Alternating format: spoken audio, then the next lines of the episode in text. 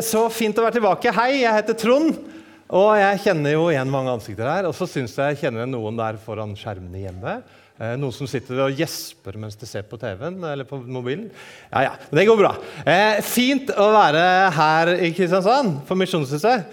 Eh, jeg bor i Grimstad, så det er ikke så langt unna. Men eh, fint å komme hit av og til. Og jeg har gleda meg til denne søndagen. Og det er både fordi jeg skulle komme hit, for det er alltid så koselig å være her, men det er også fordi at det er jo Hvilken dag er det? da? Det er første søndag i I advent! Første søndag i advent. Det er en sånn eh, altså advent, Jeg syns advent er en så fin tid. Da kan vi tenne adventslys, og vi kan åpne lukekalender. Ikke i dag, da, det må vi vente til i overmorgen, når det blir 1. desember. Men det er like før det òg. Og da kan vi etter hvert se sånne der adventskalendere på barne-TV. og sånn. Jeg er veldig spent på om stjernestøv blir like gøy som snøfall var i fjor. Jeg husker Snøfall Julius liksom. Å, jammen er det godt å være meg, å, jammen er det godt å være deg. Å, jammen er det godt å være, jammen er det godt å være, jammen er det godt å være seg. Å, Torsko! Ikke sant? Husker jeg den her? Husker jeg den? Ja, ja den var veldig gøy. Eh, og i år så blir det jo en ny en. Eh, Stjernestøv har akkurat peiling, men det, vi satser på at det blir gøy. Og så er det sånn at eh, når det er advent, så er jo det en ventetid. Og vi venter på en annen tid som er like rundt hjørnet. Og hvilken tid er det vi venter på? Ja, det er jul! Og da skal vi se om vi får den til å Ikke sant? Det blir litt stemning når du ser på det bildet der. Eh, jul er jo helt fantastisk, men så er det 25 dager. Altså det er 25 dager til julaften. Det er jo kjempelenge! Så vi må smøre oss med sånn her eh, solkrem, nei, tålmodighet. Fordi det tar litt tid før jula kommer. Men det blir veldig bra. Eh, så jeg tenkte at i denne ventetida, da, advent er jo ventetid, så tenkte jeg skulle fortelle dere en ventehistorie. En ventehistorie om to mennesker, en jente og en gutt, som levde for veldig lenge sida. Og de, Vi vet ikke nøyaktig hvordan de så ut, men kanskje de så ut sånn som dette der. Eh, jenta het Anna, og gutten het Simon. Og de, de hadde allerede som barn venta ganske lenge. For de bodde i et sted som het Israel, et land veldig langt vekke. Og der hadde hele folket venta kjempelenge. Eh, de hadde antagelig eh, altså, de hadde hørt historier fra Bibelen om en konge som skulle bli født. De visste at det skulle komme en eller annen konge, de visste ikke akkurat hvordan han så ut. Men de hadde venta kjempelenge. Det var en Messias, en Messias, altså en frelser, som skulle redde dem. De skulle, han skulle redde dem fra det vonde. Og så sto det i Bibelen i det som vi kaller Det gamle testamentet, sto det at den kongen skulle være Davids sønn. Husker dere David, han som slåss mot Goliat? Si høyt ja, alle som har hørt om David og Goliat. Ja, ja, bra. Jeg måtte bare sjekke om det bare var barna som hadde Men det var noen voksne som hadde hørt den historien. Veldig bra. Eh, så sto det at Den nye Messiasen som de hadde venta på så lenge, han skulle være Davids sønn. Og David han hadde jo fått en sønn som ble konge. Han het Salomo. Salomo var kanskje den aller klokeste konge som noen gang har levd. Han var så lur. Han visste så mye smart, for Gud hadde gitt han en spesiell evne til det. Likevel så klarte han å gjøre ganske mye dumt mot slutten av livet sitt. Men det skal vi ikke snakke om i dag. Men han var veldig veldig klok. Og en av de kloke tingene som Salomo sa, det er blitt en sånn favorittvers fra Bibelen. for Det ble skrevet ned, så det står i Bibelen. Eh, hvis du kan lese, så kan du se her. Det kommer det. Der står det Lukk opp din munn for den som ikke selv kan tale. Før saken for dem som nær bukker under. Lukk opp din munn og døm rettferdig. La hjelpeløse og fattige få sin rett. Det står i Salomors ordspråk. Det er en bønn som jeg prøver å be hver dag. For det er en bønn som, eh, som jeg tror Simon og Anna sannsynligvis hadde hørt flere ganger. Denne gutten og jenta. Eh, den sier noe om at de som har det vanskelig, de må få hjelp. Hvis noen har det vondt, så må noen hjelpe dem. Eh, Gud hadde gitt Salomo den evnen, den klokskapen. Eh, og Gud ønsker at alle som har det vanskelig, skal få det godt. Gud ønsker å hjelpe alle. Og hvis du og jeg, hvis vi nå tar og ber den bønnen sammen, så tror jeg at Gud altså Ved å be dem, så tror jeg Gud vil hjelpe oss til å hjelpe andre. Litt, jeg skal fort, fortsette å fortelle historien om Simon og Anna, men jeg tenkte, har dere lyst til å være med på det? Vi sier en, eh, I og med at kanskje ikke alle kan lese like godt, det som står der, så kan jeg si én setning, og så sier dere det samme hvis du har lyst til å be den bønnen nå. For det er en bønn som står i, står i Bibelen. Da kan dere svare meg ta litt om gangen. Lukk opp din munn for den som ikke selv kan tale.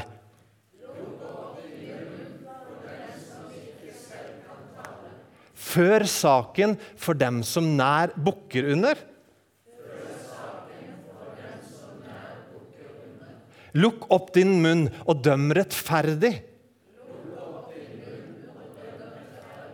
La hjelpeløse og fattige få sin rett. Kult. Veldig bra. Fint at dere var med på det. Jeg tror at når vi ber den bønnen, så gjør Gud noe med oss som gjør at vi kan lettere hjelpe de som har det vanskelig. For det er mange mennesker rundt i verden som har det vanskelig. Og Noen av de bor i Kristiansand, noen av de bor kanskje i Indonesia, hvis vi skal høre litt om senere, og noen av de bor kanskje et helt annet sted som ingen av oss har hørt om engang.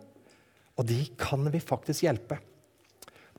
Jeg vet ikke, men jeg tipper at kanskje de her to, Simon og Anna, de hadde sikkert bedt den bønnen mange ganger. Eh, for det var vanlig å bruke Bibelen som bønnebok også. Men nå var det gått halvdeggfast, nesten 900 år siden Salomo levde. Når Simon og Anna var barn, så var det gått nesten 900 år siden kong Salomo døde. faktisk. Og fremdeles så var det mange mennesker som hadde venta. De hadde venta i 900 år!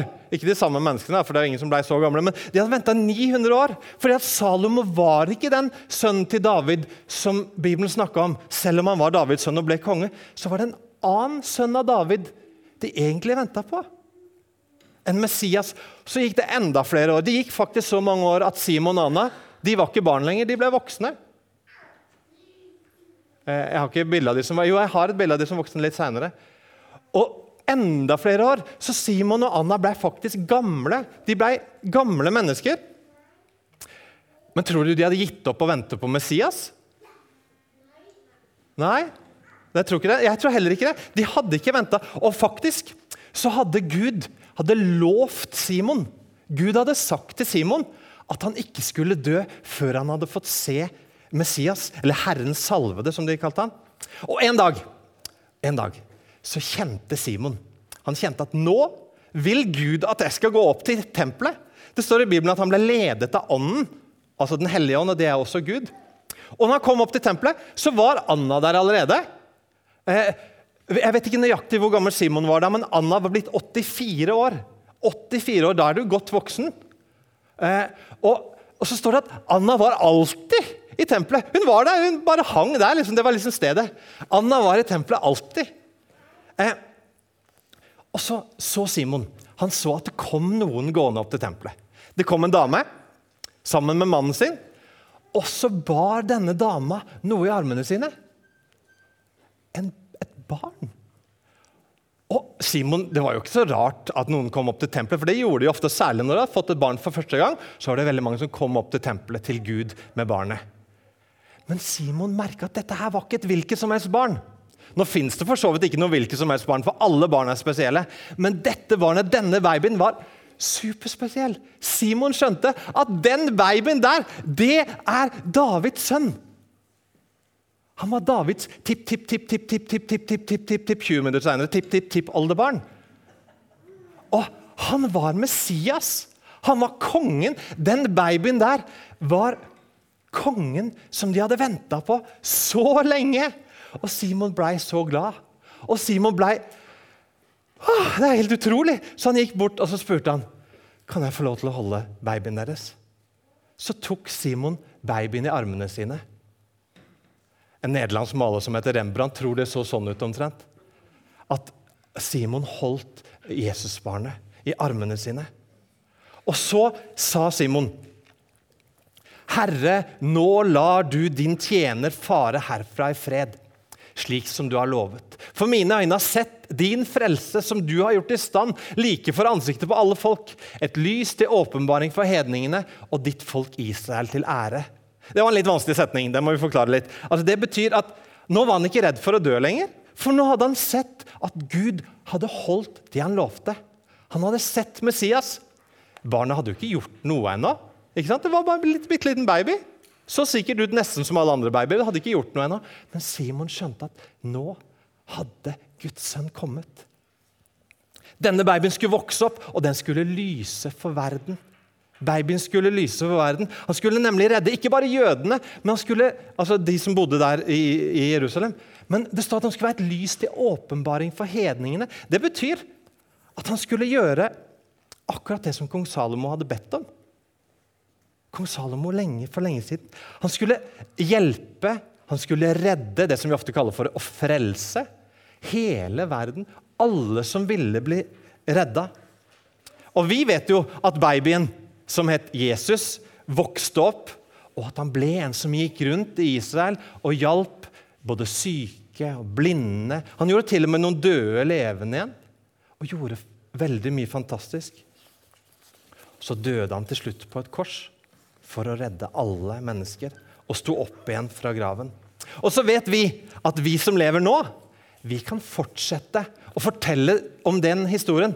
Om Messias-babyen som vokste opp og ble verdens frelser. Det kan vi fortelle til alle sammen. Vi kan gjøre det som heter å drive misjon. Fortelle til de som bor rundt oss, men også de som bor i land langt unna. Når vi skal ha basar etterpå, så skal vi samle inn penger, sånn at flere kan reise ut som misjonærer. Og så kan vi i tillegg gjøre som Jesus. Hjelpe mennesker rundt oss. Vi kan lyse for verden. Du og jeg kan gjøre det. Derfor er det viktig at vi tenker litt på hvordan vi lever, hvordan vi snakker, at vi ikke snakker stygt om andre, at vi bruker pengene våre på en god måte. Visste dere forresten at Hvis du går i butikken og leter etter det merket her, og kjøper varer, eh, sjokolade eller kaffe eller bananer som har det merket på, da hjelper vi noen, sånn at de som plukka de bananene ned fra bananplanten, de får nok lønn til at de kan eh, få nok mat og få medisiner, og kanskje til og med gå på skole og få seg en utdanning. Så når vi går i butikken, så kan vi bare ved å velge de varene være med å hjelpe. Neste gang du går i butikken, så gå på jakt etter det merket. Men nå snakker jeg meg litt bort fra selve historien. fordi at eh, Anna hun var jo der i tempelet. ikke sant? Og Anna så jo at Simon tok babyen i armene sine. sannsynligvis gjorde det. Og vet dere hva Anna gjorde da? Da står det i Bibelen i samme stund kom også hun, altså Anna, fram og lovpriste Gud. Og Hun fortalte om barn til alle som ventet på frihet for Jerusalem. Anna begynte rett og slett med misjon med en gang. Hun begynte å fortelle om barnet til alle som var rundt der. Så de skulle skjønne at den babyen, den som Simon står og holder nå, det er Messias. Og så, Kanskje noen syntes at hun var litt rar, som fortalte det. Men hun hadde rett. Den babyen som Simon holder, det var Messias. Kongen som skulle komme. Eh, jeg liker den historien. Jeg liker den historien om Simon og Anna.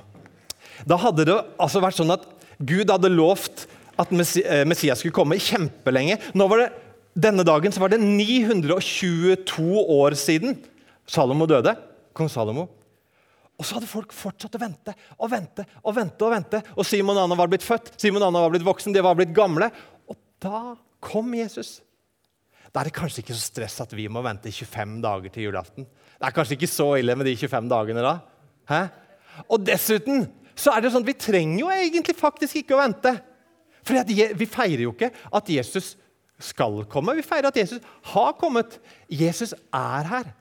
Og du og jeg vi kan samarbeide med Jesus ved å fortelle vennene våre om Jesus. Ved å hjelpe de rundt oss, så de kan få det godt. Ved å gjøre gode gjerninger så peker vi på Jesus, så folk skjønner hvem Jesus er. Så du er superviktig for Jesus. Visste du det? Jesus vil samarbeide med deg. Kjære Jesus, takk for at du ble født i jula for over 2000 år siden. Takk for at du vokste opp og ble en frelser for hele verden. Takk for at vi kan tro på deg. Takk for at du kan bo i hjertet vårt, og at vi kan bety noe for andre og peke på deg. I Jesu navn. Amen.